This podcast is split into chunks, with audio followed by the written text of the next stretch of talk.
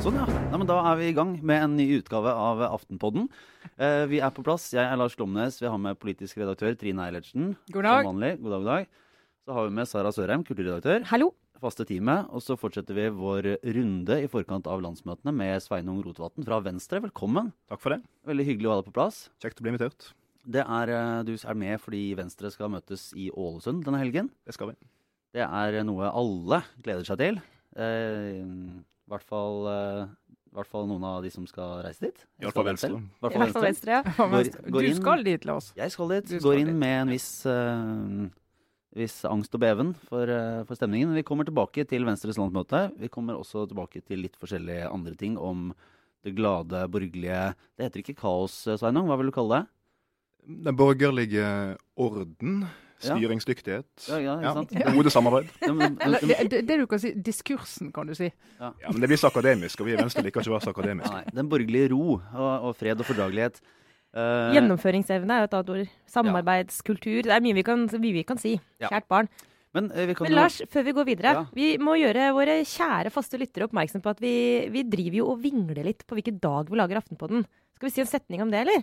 Vi har fått reaksjoner, sterke, nesten jeg vil si leser- eller lytterstorm fra enkelte faste lyttere på at vi plutselig nå lager Aftenpodden på onsdager. Vi har Ja. pleid å gjøre det på torsdager. Det er fordi at det, våre kjære gjester fra partiene de reiser så tidlig på landsmøter. Så akkurat nå når det er landsmøter, så må vi ha en, en dag tidligere innspilling. Men dere må gjerne høre på oss på torsdag likevel. Ja, det er lov. Ja, jeg er, litt, jeg er litt usikker på om jeg tar kritikk for å være for tidlig ute.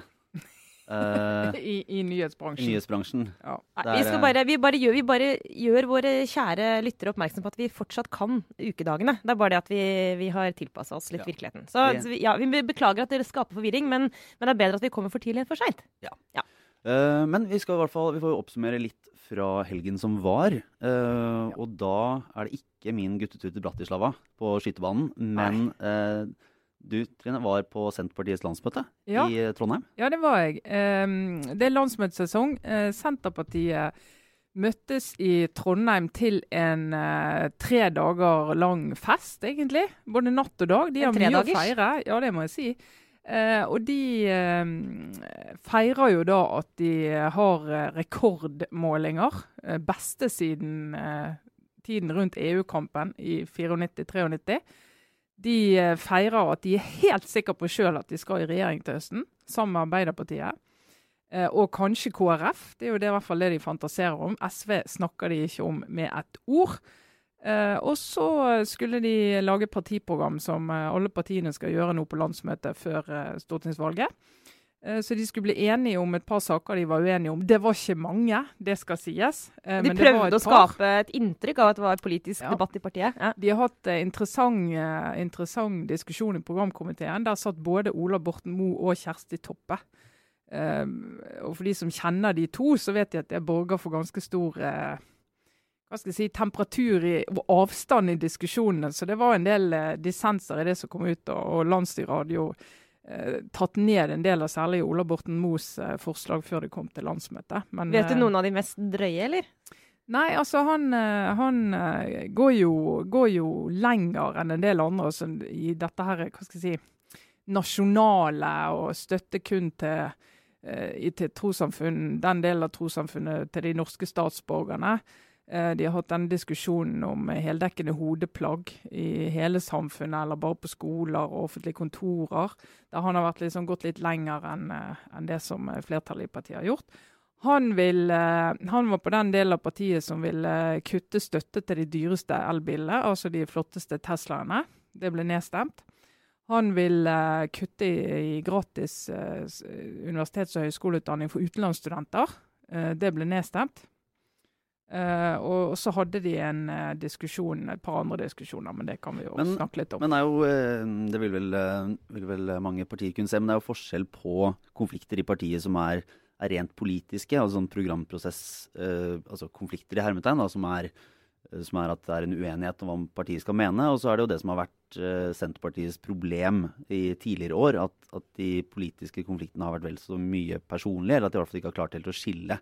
Men eh, det så jo veldig fordragelig ut Det Eh, er fordragelig, altså. det Ja. er det. Og det er jo for, eh, for de av oss som husker tilbake til eh, 2014. eh, og det landsmøtet på Gardermoen. Da var jeg hjemme med en eh, liten baby, så jeg satt da og så det på TV. Det forteller jo litt om eh, innstillingen i hodet når du bruker fødselspermisjon til å se Senterparti-landsmøte på TV. Eh, Men, eh, og da var det jo denne her eh, heftige striden mellom Ola Borten Moe og eh, Liv Signe Navarsete, og Liv Signe Navarsete og egentlig hele partiet som kulminerte i eh, nye valg eh, på det landsmøtet. Og Da var det en veldig bitterhet i partiet. Det var jo litt sånn som Geir Pollestad sa da han var her forrige uke, at det har jo vært eh, perioder i det partiet hvor han oppriktig undret på at de har hatt velgere overhodet. Og, det, og dette kan jo ha vært en eh, sånn periode. Det var rett etter stortingsvalget, så jeg hadde jo ikke, ikke noen velgere å miste akkurat da. Men det var jo et parti i krise. Der er det ikke nå. Nå var det altså så god stemning. Altså, jeg tror, jeg det mest sånn, Et av de mest bisarre øyeblikkene var da Sandra Borch, tidligere leder i Senterungdommen, som virkelig var sånn at hvis Liv Signe Navarsete så hun kom inn i rommet, så på en måte forsvant all luft og Ja, du vet. Gikk, gikk opp på talerstolen med en blomsterbukett og sier nå jeg har, brukte replikktiden sin da, i en helt annen debatt på å si at jeg vil bare få lov å gi denne blomsterbuketten til Liv Signe Navarsete. Liv Signe som kjemper for alle basene i hele Nord-Norge. Hele Nord-Norge takker deg, Liv Signe. Kom opp og klem og hei og hei faktisk gå, og hå. helt motvillig gåsehud. Jeg, jeg har ikke Ja. lyst til å få det, men jeg får det. Og det var det ene indikasjonen på at eh, det, det, det er god stemning i leiren. Og så var det jo disse her ledervalgene. da. Ola Borten Moe, der var det jo én ting som gjelder, og det er å eh, finne ut hvor mange blanke stemmer får eh, den som foreslår. Jeg har ikke motkandidat, men hvor mange blanke stemmer får de. På Gardermoen fikk han jo 28 blanke stemmer. Der var det jo langt færre delegater. Nå fikk han bare 13. Så han er liksom på vei inn i en sånn jeg var inne i en sånn harmoni i partiet, da, vet du. Jeg må bare, eh, Det var en historie jeg hørte i går fra også en eh, lytter og hyggelig medjournalist, Jens Kiel. Så så Den er ikke helt garantert at den er fullstendig presis, men likevel, apropos den blanke stemmer, det var bare fra eh, Telemark Fremskrittsparti, da de skulle velge ny leder, så er det en regel som sier at eh, for å bli valgt så må du mer enn halvparten av stemmene. Eh, og hun stilte da, der det har vært så mye konflikter, at eh, hun fikk 16 stemmer i første runde, og så var det 17 blanke. Så de måtte ta en sånn ekstra runde på at Nei, nå folkens, ikke Bare skjerp dere. Da.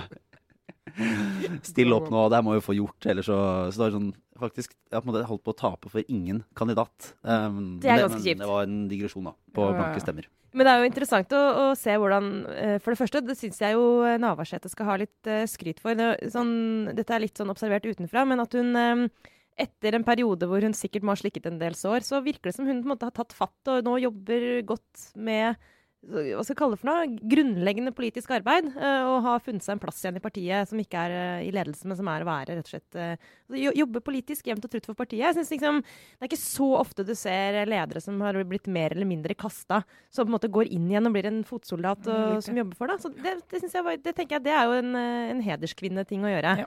Og så er det også sånn at det er lett å være venner når ting går bra. Så eh, jeg skjønner jo det, men det ligger jo noen motsetninger i det partiet Ja, de har- som man bare har- kan vente på at skal eksplodere igjen. Det er en motsetning som de har liksom Det var litt sånn interessant, da. For det var noe diskusjon på dette landsmøtet om hva de skal gjøre med private barnehageeiere. Og sånne som tilbyr private barnevernstjenester. Skal de få lov å ta utbytte? Skal vi rekommunalisere? Altså Det er en sånn diskusjon som i mitt hode foregår langt ut på venstresiden i politikken, men nå foregår godt inn i Senterpartiet. Eh, hvor da flere går opp og, bruker ord som velferdsprofitører, som er et venstresideuttrykk.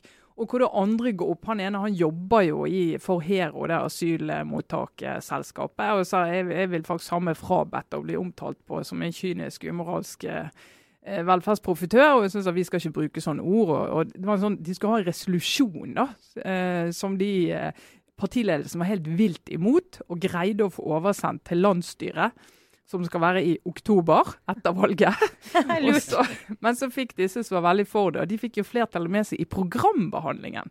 Så der ligger det jo litt sånn eh, private barnehageeiere, vi skal minimere utbytte og vi skal jobbe for rekommunalisering. Og egentlig ganske radikalt eh, i mitt hode til å være i, i sentrumspartiet. Hva syns du, eh, Sveinung?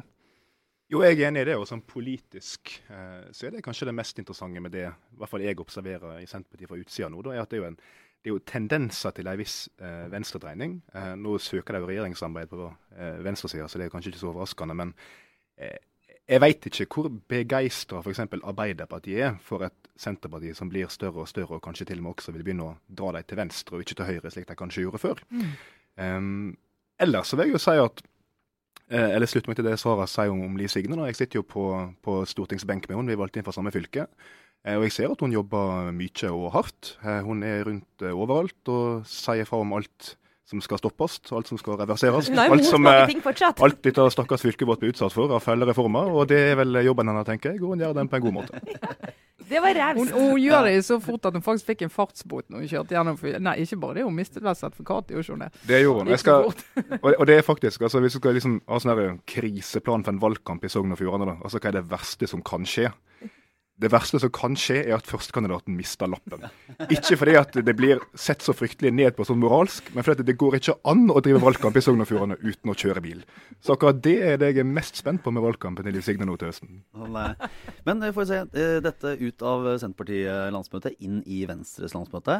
Jeg eh, må jo innrømme, jeg som nå har, eh, har tre landsmøter på fire helger, da merker man jo litt på forskjellig sånn stemning og selvtillit inn i disse, disse, landsmøtene. I Høyre så var selvtilliten bare skyhøy. Alle gikk rundt og, og tenkte at ingenting kan gå galt. Dette, her er alt på stell.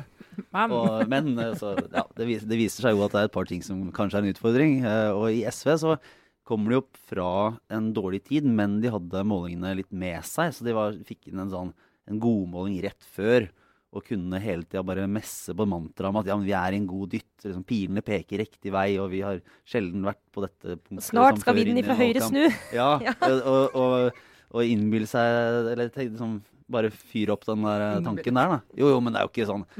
Uansett, det går bra med SV. Det ser ikke ut til å gå helt krise, men det er jo det er vanskelig å se at de er i ferd med å At det går en sånn kjemperød vind over landet, og de skal, skal seile inn til rekordresultater. Jeg er litt bekymra nå for, den, eh, for, stemningen i Venstre. For der så Lars, bare det si det. Du er bekymra for festen du nå? Jeg er bekymra for festen, og så er jeg bekymra for at folk kommer til å være litt, litt redde og litt sure. Fordi det ikke går så bra, Fordi det går inn på en litt, sånn, en, litt nedoverbakke. Så Sveinung, kan ikke du tegne det optimistiske bildet av, eh, av situasjonen i, eh, i Venstre før denne landsmøtehelgen? Eller bare det helt realistiske, da, som ja. jeg er veldig glad i. Nei, For det første så tror jeg du ikke trenger å være bekymra for festen. Det, det, blir sikkert veldig bra. Det bruker det å bli. Eh, men jeg vil jo gi deg rett i at det er litt sånn Jeg tror nok stemninga i Venstre er litt avventende. Eh, altså Jeg har vært med på mange Venstre-landsmøter. Jeg har vært med på landsmøter der en har vært eh, fantastisk optimistisk. Jeg har vært på landsmøter der en har vært helt ned i bølgedaler. Og akkurat nå så merker jeg nok at den er ingen av de plassene. Eh, fordi at eh, på den ene sida så har en fått gjort veldig mye i løpet av perioden. Gjennomført mye politikk mye ressurser, eh, mange flinke ansatte, og egentlig en organisasjon som er i ganske god form. men det er klart på den andre sida så skal vi jo nå eh, gjøre noe som veldig få har gjort før oss, og det å drive valgkamp fra en posisjon som verken er å være i regjering eller å være i så krystallklar opposisjon som et opposisjonsparti vanligvis er. Eh, og Det er klart at det er jo en strategisk utfordring. og jeg tror nok at Den viktigste jobben vi gjør nå i helga, er jo å forklare medlemmene og velgerne våre hva budskapet er. Altså Hvorfor er det Venstre stiller til valg i år igjen, slik vi har gjort siden 1884? Eh, hvorfor er det viktig å gi stemmer til Venstre også denne gangen? Og det er klart at Når du er i en posisjon vi er i nå, så er det kanskje en større pedagogisk utfordring enn det har brukt å være.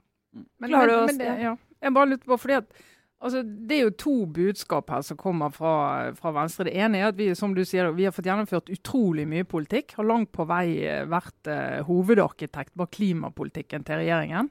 Eh, har dratt Frp lenger på klimaområdet enn noen trodde var mulig. Eh, på den annen side så diskuterer, så diskuterer dere altså å, å stille ultimatum overfor Frp og, og Høyre i, med, med, tanke på at Frp skal være med overhodet. Eh, og så lurer jeg på, er det Venstre Vi trodde jo det var Frp som skulle gå i SV-feller.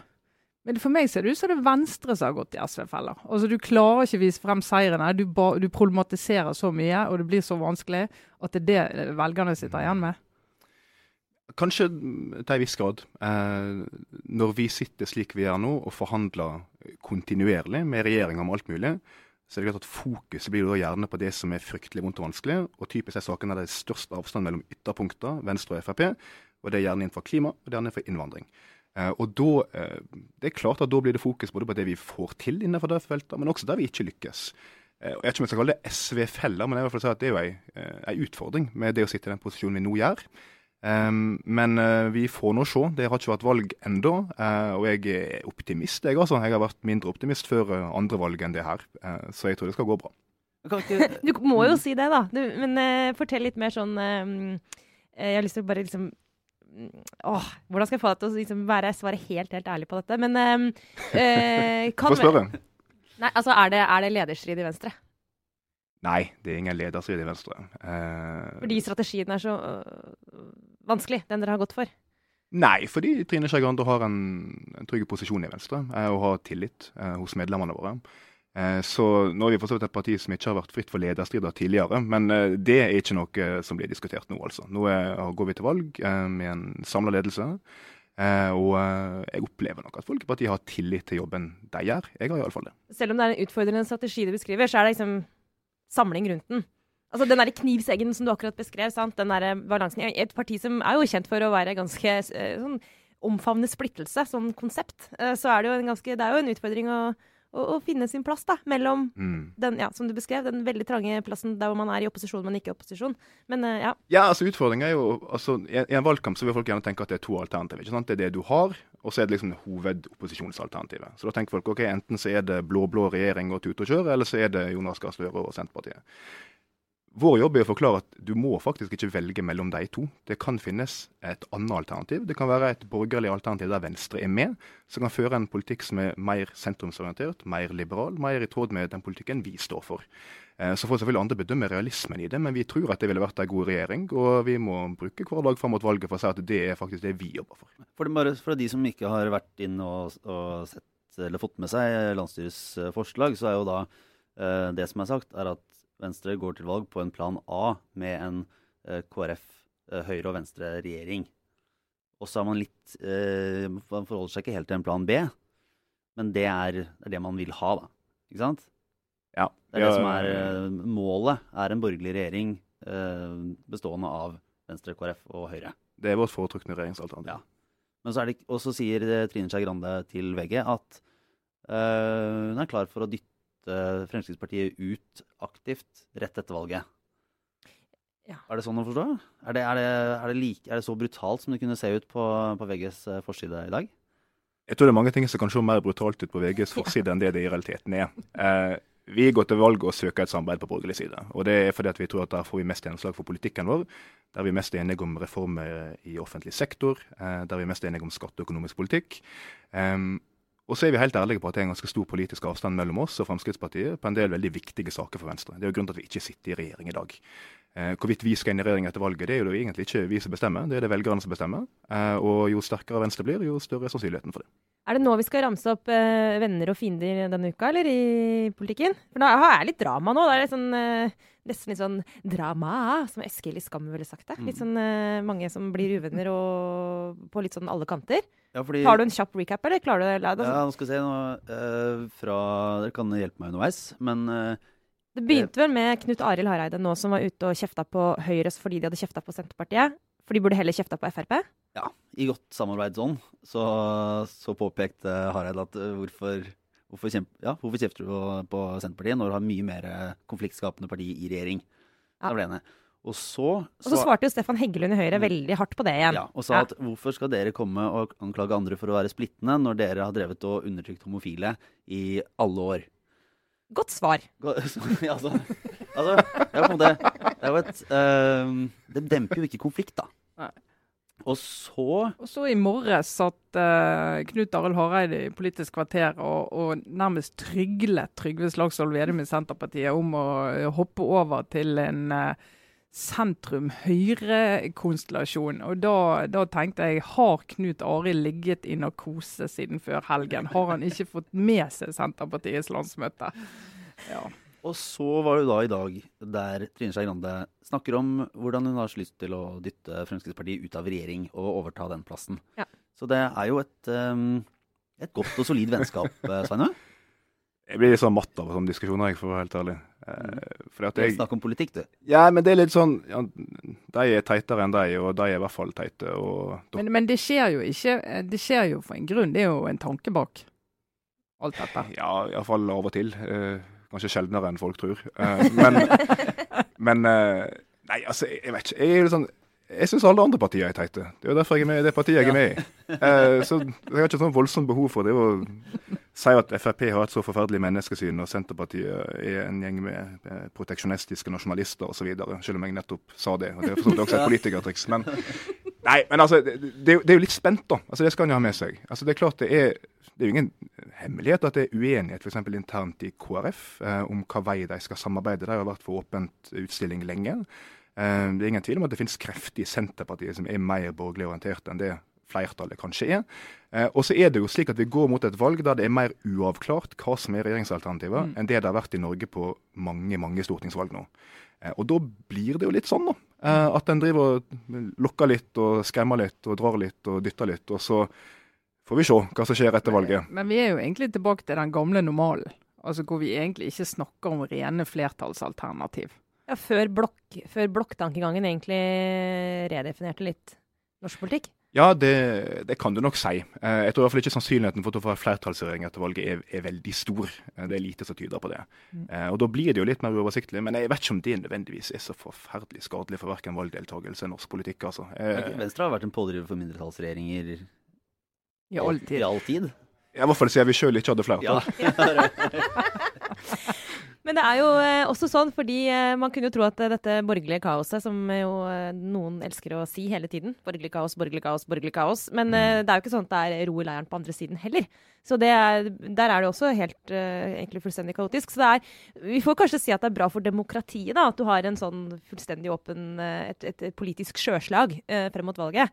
Men, men, det er klart, det er jo ikke så mange reelle utfall likevel. Altså, helt realistisk sett så er det ikke så veldig mange forskjellige typer regjeringer det går an å se for seg etter valget. Jeg tror for du kan regne med at enten Erna Solberg eller Jonas Gahr Støre blir statsminister etter valget. Ja. Eh, og så er jo spørsmålet hvordan det skjer. Um, men eh, altså, jeg sier bare at folk stemmer på det partiet du er mest enig med. Det er det jeg gjør. Og jeg hadde stemt på Venstre uansett hvem vi samarbeider med, tror jeg. Uh, og uh, en trenger ikke gjøre det så voldsomt komplisert, altså. Når det er sagt, så skjønner jeg jo at regjeringsspørsmål er viktig for folk. altså Jeg skal ikke gå og late som det ikke er det. Eh, men eh, det er nå likevel sånn altså Når en ser hva partiene sier, så ser en jo omtrent hvor de plasserer seg. altså klart Senterpartiet orienterer seg mot rød-grønn side, Venstre orienterer seg mot borgerlig side. Og så kan ingen liksom utelukke hva som vil skje i en stortingsperiode dersom eh, det skulle bli en form for budsjettkrise eller en alvorlig internasjonal hendelse, eller hva det måtte være. Men det er liksom utgangspunktet vårt. Så får folk tro oss på at vi mener det. Det er litt gøy også, bare, for, eh, helt, bare bitte liten detur, Trine. for det, Trine. Men, uh, for vi skal vel snakke litt mer om, om, politikk kanskje, og noen saker. Men bare at det er litt kaos nå i politikken. At Rødt, som er et, uh, også et parti med landsmøte til helgen, som vi ikke skal snakke så mye om nå, men uh, det det, ja. ja. der er det Ja, ikke sant? Der har jo nå noen av de gamle feministene i Rødt tatt til orde for kontantstøtten. Og det følte jeg egentlig bare var kronen på verket for, eh, for en sånn litt sånn forvirrende mm, Hva skal vi kalle det for noe? Altså sånn dette, denne reshufflingen av hele gode, gamle høyre-venstre-aksen som vi holder på med for tida. At, eh, at, vi endte opp med at Rødt skulle ha en debatt om kontantstøtte, hvor deler av partiet går inn for kontantstøtte. Det kjenner Jeg jeg blir egentlig litt glad. Jeg blir en blanding av matt og glad. Men, eh, men, men nå er jo nesten alle partier på Stortinget blitt mot kontantstøtte. Så det, det var kanskje på tide at Rødt ble for. ja. Men, eh, men, det får vi komme tilbake til. Jeg synes bare Det var eh, bare et sånn liten sånn garnityr på toppen av, av kaos eh, som Rødt bidro med i den sammenhengen. Ja. Nei, men klima altså Jeg sa jo så vidt i sted at jeg, jeg mener jo at Venstre altså Dere har fått så mye gjennomslag på klimapolitikk overfor regjeringen at det, det, er litt sånn vanskelig å si at dere ikke har, har når opp og når frem når Frp sitter i regjering og med Høyre ved rattet.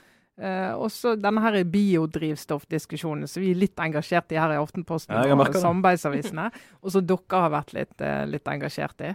Uh, altså er det, er det, opplever du det som en god eller en dårlig sak for dere nå? Den biodrivstoffsaken? Mm.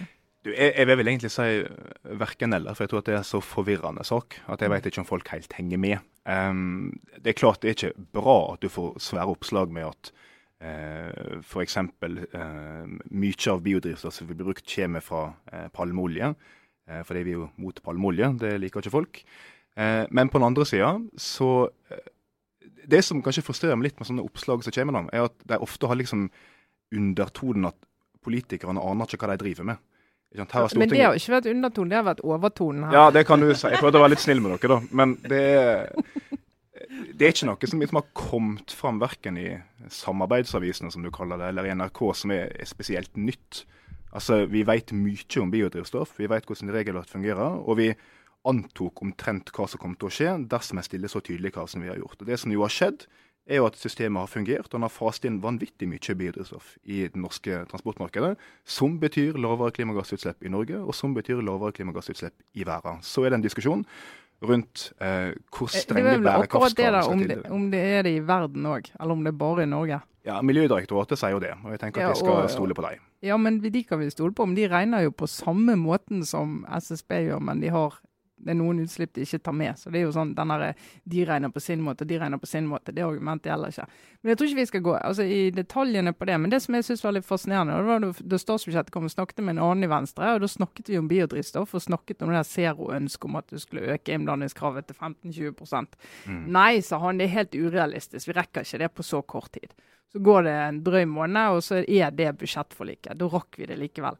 Og det er da liksom den journalistiske varselklokken går. Vi må jo undersøke liksom Funker dette her? Klarer de det, eller har de bare liksom reddet regjeringssamarbeidet med et vedtak som egentlig ikke holder vann? Sånn, ja. Eh, nei, men Det vi sa når budsjettet ble lagt fram, det var jo at vi har tro på at dette skal gå. Men vi sa også at det, det er høye ambisjoner vi nå legger til grunn. Det, det sa vi jo. At dette her er, er ganske heftig.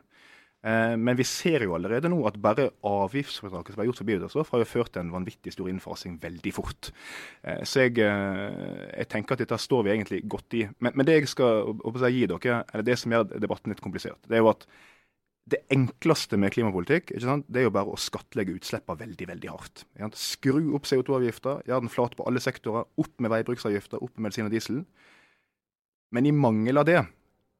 For det er det ikke politisk flertall for på Stortinget å gjøre i betydelig grad, så griper en fort til veldig mange sånne det du kan kalle suboptimale virkemidler. Altså Da tar du andre grep um, for å forsøke å få ned klimagassutslippene. Uh, og det å måte ha store innblandingskrav for biodrivstoff er jo én måte å gjøre det på. Mm. Som fungerer, men som ikke er liksom den optimale sett fra et samfunnsøkonomisk ståsted. da.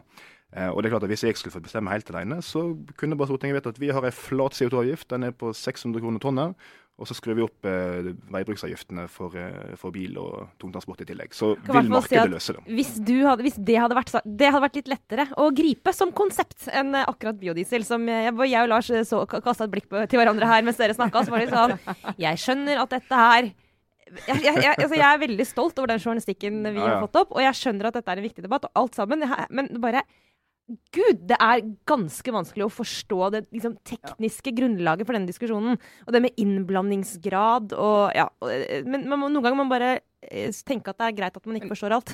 Men, men, Ja. det, men det hvis, vi, altså hvis vi løfter blikket, da, så Mm. egentlig i fjor, i bakkant av Parisavtalen, så har vi hatt en mer sånn, vil jeg si, eh, pedagogisk klimadebatt enn vi har hatt noen gang i Norge, tror jeg. Altså, jeg tror, jeg tror flere Mm. skjønner mer. Kanskje ikke Sara, da, men Men jeg kan gå på andre ting. Fordi Målbildet 2030 er så utrolig tydelig, og gapet mellom der vi er i Norge på utslipp og der vi skal være i 20, 2030 er så stort. Ja. eh, og så mye som må skje på særlig transport for at vi skal klare å tette det gapet. Er det så fundamentalt? Mm. Uh, og den dagen vi alle Mm. kjører rundt i elbiler, den er ikke helt der ennå. I hvert fall ikke før lastebiler kjører rundt i elbiler. Så det er jo klart, det er jo, det er jo ting som må skje og ting som må gjøres her, da. Men det er jo litt den derre Ja, men det, det, det kommer jo mer og mer. altså nå, Ref diskusjonen så er det en del som mener at uh, det er greit at folk kjører elbiler så lenge det ikke er fine og stilige elbiler. Da er det blitt et problem. Så de må helst være litt sånn stygge og, og billige og sånt. Men eh, endringer i transportsektoren nå er jo voldsomme. Det kommer masse nye modeller, og Norge er helt i front her. Men, men eh, jeg synes det var, jeg tror faktisk det var en tidligere Aftenpodd jeg hørte på, der noen lurer kan ha vært Snorre Valen, eh, som sa noe om at vi må våge å prøve og feile litt i klimapolitikken òg. Ja. Fordi at Det vi nå holder på med, er jo noe vi ikke har gjort før. Altså Vi skal legge om måten vi eh, driver eh, produksjon på, eh, frakter hverandre på, eh, varmer opp husene våre på osv., som, som er helt nytt. Eh, og det er klart at Da vil mye funke, og noen ting vil kanskje ikke funke. Så Derfor har ikke jeg noe sånn voldsomt behov for å være kjempetøff i uttalelsene mot f.eks. det de rød-grønne holdt med på på Mongstad. Det er masse å si om det, men det, jeg tror at en del sånne vil en få da, i løpet av de neste ti årene, når vi faktisk skal gjøre noe helt nytt, og som er voldsomt vanskelig og krevende å gjøre. Men det, men det som er, er vanskelig for de av oss som har en økonom i hjertet, da, jeg sa jo det til Sara her om dagen, at jeg skulle ønske jeg ikke var økonom. Ja, jeg må bare fortelle det, bare tegne det bildet for lytterne våre. For jeg kom på jobben, jeg og Trine sitter ved siden av hverandre i en sånn liten krok her i Aftenposten. Som vi kaller for redaktørhjørnet. Jeg tør ikke tenke på hva de i redaksjonen kaller det for. Det vet sikkert Lars, men uh, det får nå være. Men jeg kom på jobben, og Trine vil nesten beskrive det som at du lå med fjeset ned i tastaturet og bare mumla litt sånn Sara, jeg skulle bare ønske noen ganger at jeg ikke var økonom. Her kommer jeg seilende inn med kaffen min og tenkte i hvert fall ikke på at samfunnsøkonomien gikk til helvete. Nei, jeg går og bærer, føler på meg at jeg bærer statsfinansene på mine ikke veldig smale skuldre. Så hver gang det kommer et eller annet sånt ja, nå skal vi bruke så mange milliarder på ditt og på datt, så tenker jeg au, au, au! Da tenker jeg da. Da blir, du, da blir, da blir du en sånn SV-delegat som slår fast at menneskeheten har feilet? Menneskeheten har feilet. Nei, men altså, poenget mitt er bare at eh, i denne, for jeg er jo helt enig med deg, sånn, og det er Aftenpostens lederplass òg, at det er jo avgift som teller. Det er CO2-avgift teller. Du må liksom, du må, Forurenser må betale, og du må gjøre det enkelt, og folk må skjønne logikken. Eh, og alt det der med at vi skal på en måte subsidiere alle mm. til å få dem til å, å, handle klimavennlig. Da har jo ikke budskapet gått inn. da. Da har jo ikke folk skjønt hvorfor vi må gjøre det. Mulig budskapet har gått inn, men det er jo slik at altså, vi har to virkemidler. Vi har pisk og vi har gulrot. Eh, fordelen med gulrot er at folk syns det er veldig kjekt. Eh, og det er, det er hyggelig. Ulempen er at det er forferdelig dyrt. Ja, det er jo det. Vi må jo bruke penger på andre ting i dette landet. Ja, ja. Og så pisk det er på andre siden, det er kjempeeffektivt. Det funker så bare det. Og det er ikke bare gratis, det gir inntekter til staten. Ja. Men jeg har jo merka meg de siste åra at det er ikke alltid folk syns det er like kjekt. da, Verken i næringslivet eller eh, privatpersoner. Bare avlyser de to neste valgene og så sier at ok, nå får dere pisk i åtte eller tolv år, så bare ordner dere opp i klimaet. Så går vi tilbake til demokratiet når dere er ferdig med det. Jeg tror ikke lenger man kan løse klimaproblematikken hvis, det er, eh, hvis man ser, sånn, øyner et valg rundt hjørnet. For da tør man jo ikke å ta fram pisken. Er det sånn Gert Nygaardshaug-miljøfascist? Eh, det ble det nå? Det, jeg, jeg, tror, nå, nå, tar jeg han litt eh, Du ser jo hva som skjedde i USA når folket fikk lov å velge president som uh, avlyser uh, klimatiltak i en rasende fart. Bare konstatere at demokratiet er oppskrytt. Det gjør jeg jo ofte. Det er det beste av alle dårlige løsninger som kjent. Må ikke du felle dom før valget, da? Det kan jo være at velgerne syns at det vi gjør er kjempebra. Ja, men du kan si mengder i valget i september. Ok, da er vente til september. Vi må Sperregrensen. Ja. Dere er jo det partiet som liksom driver og faller under sperregrensen. De andre de pleier å klare seg sånn noenlunde. Men dere driver jo faller. Og hvis dere gjør det, så er jo, da er jo bildet totalt forandret. Ja, ja. Altså, jeg bruker å si til mine venner i, i SV og eh, KrF og sånt, og når de går er veldig redde for den sperregrensa som av og til nærmer seg, at Hører, det, det, det, går bra. Det finnes et liv etter sperregrensa. Du, du, kan komme tilbake når det gjenoppstår. Ja, du kan til og med gjøre det flere ganger, og det har vi gjort i mitt parti. Um, men selvfølgelig, altså, det er klart sperregrensa betyr enormt mye. Uh, både altså, for, for, partiet. Det betyr hvor, hvor mange stemmer i tall handler det om? For dere over og under sperregrensen, vet du det? Ja, Det spørs jo hvor vi ligger, da. Men ja. uh, altså når vi fikk 3,9% i 2009 og gjorde liksom det katastrofevalget, da tror jeg det var 1500 stemmer om å gjøre. Mm, eh, og Det er forskjellen på to representanter på tinget og sju representanter på tinget. Mm. Og Det er forskjellen på da, og sannsynligvis også nå, om det er et borgerlig flertall eller ikke et borgerlig mm. flertall. Mm. Så det er klart at det kan få store konsekvenser. Så de som går og tror at ei stemme eller noen få stemmer aldri betyr noe i valg, det er bare tull. Det kan bety kjempemasse. I alle fall i et system som det norske med ei relativt høy sperregrense, og der mange partier ligger og vaker rundt dem. Jeg tenker på alle de, jeg tror jeg kjenner nesten de 1500, ikke alle, men jeg kjenner de eh, av dem som stemte på Miljøpartiet De Grønne istedenfor uh, i, i 2009, og angret som bikkjer etterpå. I 9, det må ha vært i 13. I 13, selvfølgelig. Ja. Du snakket om 9. Ja, uansett. Men de som, de som ser liksom at få stemmer kan avgjøre store konstellasjoner i norsk Men, nå fikk jo Venstre hjelp fra Høyre-velgere. Det vet jo, Jeg har jo snakket med flere Høyre-velgere som den gangen stemte på Venstre for å hjelpe de over sperregrensen. Det hjalp jo ikke. Uh, og de kommer ikke til å gjøre det nå. Nei, men altså, Jeg mener ikke at folk skal stemme Venstre av, av taktiske årsaker. Folk skal stemme Venstre fordi de er enige med Venstre. Men jeg skal være klar over at det å la være å stemme på oss har jo også ganske store konsekvenser. Ikke bare for, for, oss som parti, men også for hvem som har regjeringsmakt i Norge. Mm. Eh, og Nei, men altså, vi, vi, vi får nå se. Altså, Vår eh, valghistorikk har jo vært at vi eh, bruker stige mot valg. Um, og de, alle de siste valgene så har vi gått opp ca. 1 prosentpoeng fra juni til valgdagen. Eh, og det eh, legger jeg til grunn at skjer i år òg. Dette høres ut som en fotball, en supporter som er sånn Det er fortsatt mulig å vinne serien, selv om man ligger 16-17 eh, poeng bak ved jul. Trenger bare åtte seire på rad. Ja, ja. Det er, noen har gjort det før. Ja. Vi, nei, vi tror vi skal nærme oss en runde med obligatorisk refleksjon. Og så ser vi litt på Facebook Live-spørsmål som muligens kommer med i selve podkasten eller ikke. Men vi gjør nå det for de som følger med, i hvert fall. Um, så hvordan ser den obligatoriske refleksjonen din ut i dag, Sara? Eh, jeg kan egentlig gjøre den kort, fordi jeg snakker så mye om det hele tida i andre sammenhenger. Men altså, jeg har jo vært på lansering av eh, Bård Vegar Solhjell sin uh, bok, som heter Uro. Som jo er, som er på en måte jeg, jeg prøvde å finne en måte å beskrive det på. Dere vet Christopher Hitchens, som jeg selvfølgelig elsker, men som man må hate litt av. Som mm. døde for noen år siden, men som jo um, var en av de argeste kritikerne av venstresiden i, i England. Uh, og som sto for den der liberale uh, venstreside Hva skal jeg kalle det for noe, da? Den lille, lille gruppa som mente at det å være liberal og på venstresiden var to sider av samme sak. Og han endte jo opp til slutt som en ekstremt høyreorientert, ganske så erkekonservativ, ja, de, sinna mann. De, de, gjør jo gjerne det, den gjengen der. Ja, Men hvis, hvis Christopher Hitchens hadde en veldig, veldig snill, uh, ikke alkoholisert, men empatisk eh, norsk tremenning, så tenker jeg at det kunne vært Bård Vegar Solhjell. Og det har jo jeg sympati for, da. Det forsøket på å, å slå en liberal kile inn venstre, på venstresida. Eh, det deler jeg jo med veldig mange som heier på Bård Vegar Solhjell som den perfekte SV-lederen. Det vi har felles, er at ingen av oss er med i SV. Så, så han er den SV-politikeren som jo blir elsket høyest utenfor partiet, vil jeg tro. I hvert fall til høyre for partiet. Men, men han har skrevet en bok hvor han oppsummerer litt sånn uh, sitsen politisk nå i, i Europa. og som tittelen sier, han kjenner på en sterk uro, og så ønsker han seg at venstresida skal ta litt grep for å gjøre noe med det. Eh, det er et prosjekt jeg har veldig sympati for. det er litt sånn Nick Cohen-prosjekt, egentlig? Det, det er veldig Nick Cohen-prosjekt, ja. Mm. Eh, blant annet så tar han et veldig hardt oppgjør med multikulturalismen eh, fra venstre. Altså han etterlyser også at, flere, altså at, man skal utfordre den tanken fra venstre. Han argumenterer på, godt for det, men et, bare for å ta ett av argumentene som jeg syns er ganske bra, det er at han sier at multikulturalismen, da sier du at alle grupper og kulturer skal leve side om side eh, med hverandre, og det skal foregå i harmoni. Men i, i den tanken så ligger det til grunn at du defineres egentlig ut fra hvilken gruppe du tilhører. Eh, er du muslim, eller er du kvinne, eller er du innvandrer? Altså du, vi, ser, vi, deler samfunnet opp i grupper, og Bård Vegar skriver at det er i utgangspunktet eh, egentlig eh, ikke mulig å forsvare, fordi mennesker, vi består av individer. Og det hele tatt Å forholde seg til gruppetankegang på den måten er liksom å forbryte seg mot individet. Det var en interessant eh, argumentasjon. Dette er jo god venstrelogikk. Absolutt, og jeg har jo veldig sans for denne um, liberale venstresida, i den grad den, den da fins. Altså hele New Labour og uh, det en jo ser i ja, så Emmanuel Macron i Frankrike, mm. for eksempel, som er veldig typisk representant for det. Eh, og når folk spør eh, meg altså, hvorfor vil ikke Venstre samarbeide til venstre i norsk politikk, så bruker jeg ofte å svare at altså, hvis venstresida i norsk politikk var litt mer moderne eh, i den forstand, så skulle ikke jeg utelukke det. For jeg opplever at I mitt eget parti så er vi veldig på mye av den tankegangen. Uh, liksom Liberal tankegods i bunnen osv.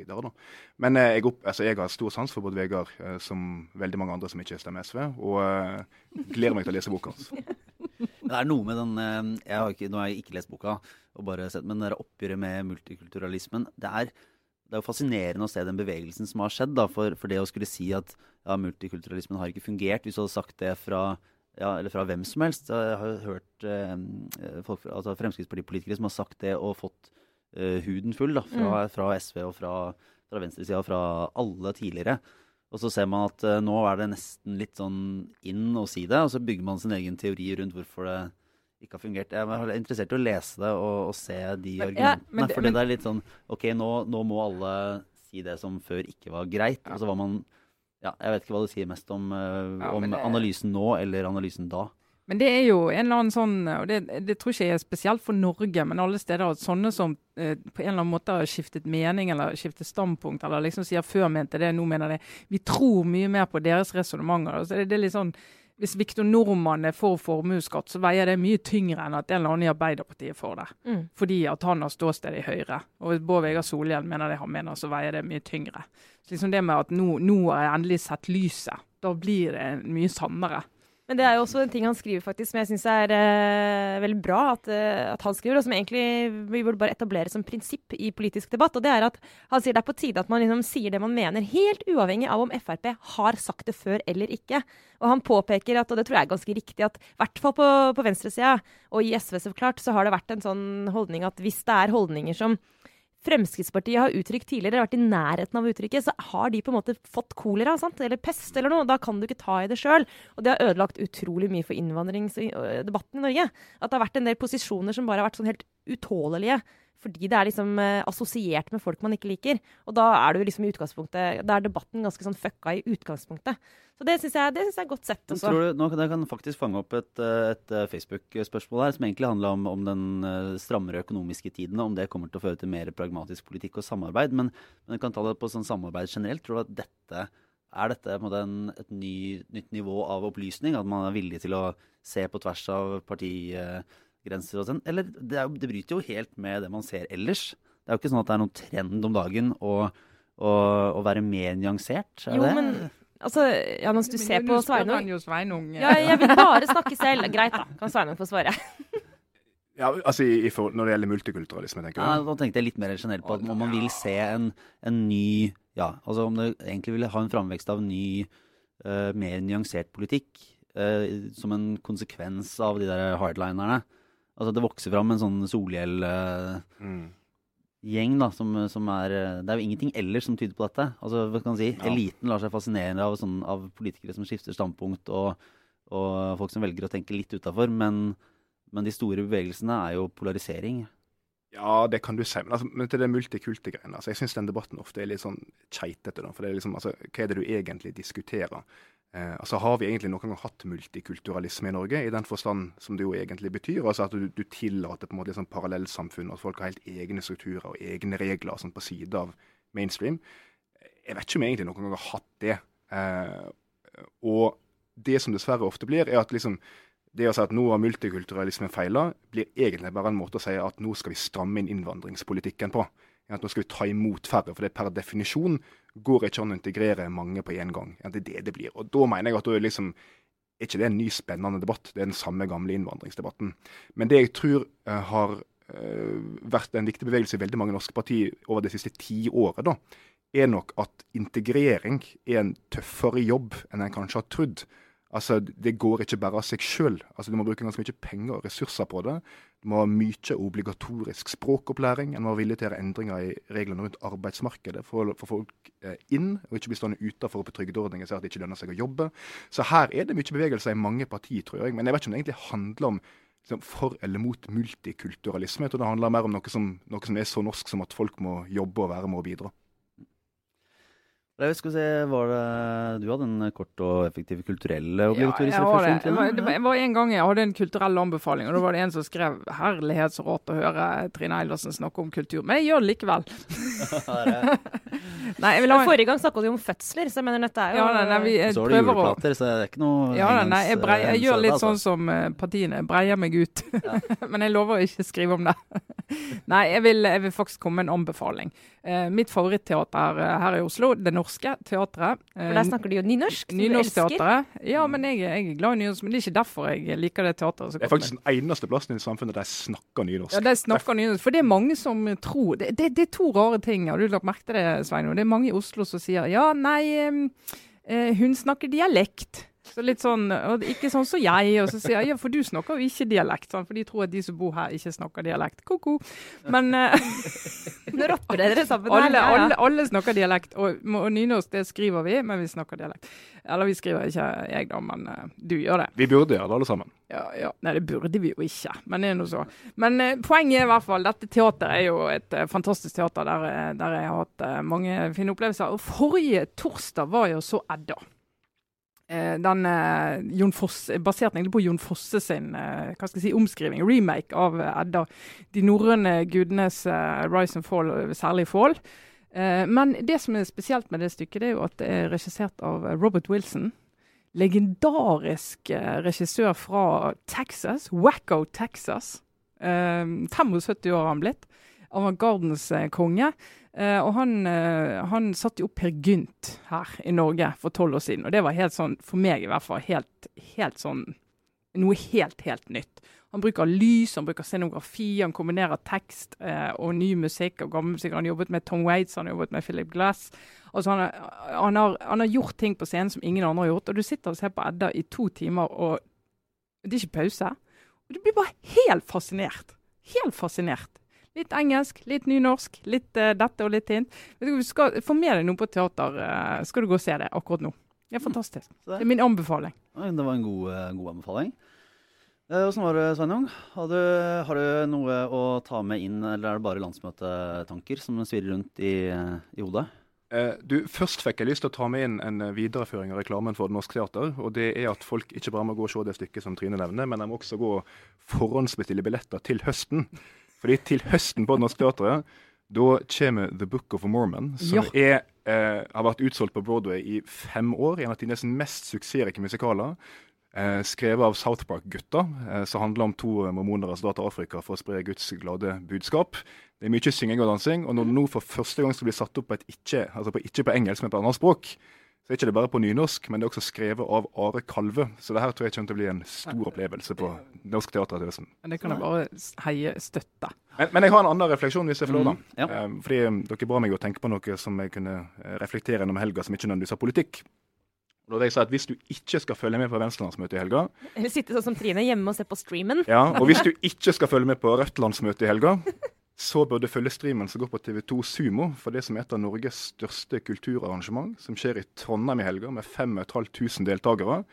Det er jeg sikker på at kulturredaktøren i Aftenposten kan fortelle oss mye om. Nå jobber jeg innmari hardt her, Sveinung. Bare snakk litt til, du. Um, og det kommer til å være så mye spilleglede og kunst på høyt nivå, for det er nemlig NM i janitsjarmusikk. Altså, akkurat å si det. De beste korpsene i Norge møtes, skal konkurrere. Eh, det blir veldig spennende. Eh, mitt gamle korps Eid musikklag skal konkurrere i jeg tror det er 22. divisjon. Eh, så jeg skal heie kraftig på dem fra landsmøtet i Ålesund. Var- Unnskyld meg, kom du akkurat ut av skapet nå som korps, eh, Sveinung? Korps. Ja. Du, jeg, er- ikke det? jeg er stor, stor entusiast. Jeg var med på NM sjøl i fjor eh, og spilte. Det var kjempekjekt. Eh, og det er jeg sikker på at alle som skal opp i helga, kommer til å få det minst like morsomt som oss som skal på Venstre-landsmøte. Så jeg, jeg drar egentlig på Venstre-landsmøtet med litt sånn Det tøndesinn er i helga. jeg heier på Eikanger Bjørsvik, så vet du det. Ja, det eh, får du nok ikke muligheten til, for jeg Nei. spiller i brass-NM. Dette er janitsjar-NM. Dette er jo en viktig eh, skillelinje i korpsverdenen. Det kom en slags sånn usynlig mur inn i studio nå, Lars, mellom Ja. oss og dem. Korpsvestlendingene og oss. Ja. Jeg holdt meg langt unna Bø skolemusikk. Eh, nei, min lille, lille observasjon er egentlig Jeg vet ikke om jeg skal si en anbefaling, men jeg gleder meg til å se det spennende forsøket på å lage en TV-serie fra det norske politiske miljøet, mer eller mindre. Eh, det er altså Folkevalgt som kommer på TV 2. Ikke minst fordi min eh, veldig kule kusine Caroline, som også er en eh, friend of the pod, har en av de større rollene i dette her.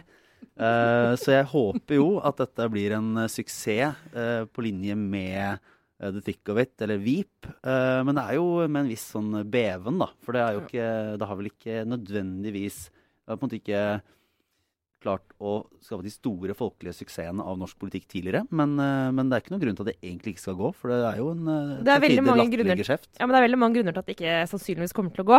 Men det er ikke for sent å håpe at det kan komme en norsk TV-serie som kan eh, vise fram politikk, og kanskje til og med journalistikk, på en troverdig og morsom og kul måte. Så liker jeg litt konseptet, fordi det tar for seg en sånn backbencher fra et eller annet sted i utkant-Norge som kommer fra å være litt sånn småkonge i egen kommune til å bli å sitte som eh, nummer tre-representant eller et eller annet i en komité. Og det er jo en, en klassisk norsk situasjon. eh, Det er jo av- det de fleste politikere gjør. det er det de gjør. aller fleste gjør. De ender opp, altså kommer på Stortinget og har vært uh, høye og mørke og, og leda kommunen sin, og så blir de sittende og får aldri gjort noe på en liten sånn hybel inne i Oslo. Så eh, vi, eh, jeg venter i spenning og håper det går bra, og så får vi se. At vi, det er jo sikkert det er jo veldig lav sannsynlighet for at det her blir eh, kleint og ikke morsomt og, og, og lite treffende. Men, men hvis det mot formodning skulle bli det, så får vi jo gjøre det vi, det vi alltid gjør når vi eh, har blitt litt sånn eh, skuffa over en dårlig politisk TV-serie. Og det er å gå tilbake til å se The West Wing for eh, femte eller sjette gang. Det bruker å løse det meste. Det, We will always have West Wing, heldigvis. Eh, Så det runder vel egentlig av den hva skal man si, podkastdelen av eh, Aftenpodden for denne uka. Eh, Sveinung Rotevatn, Trine Eilertsen, Sara Sørheim og jeg var Lars Glomnes.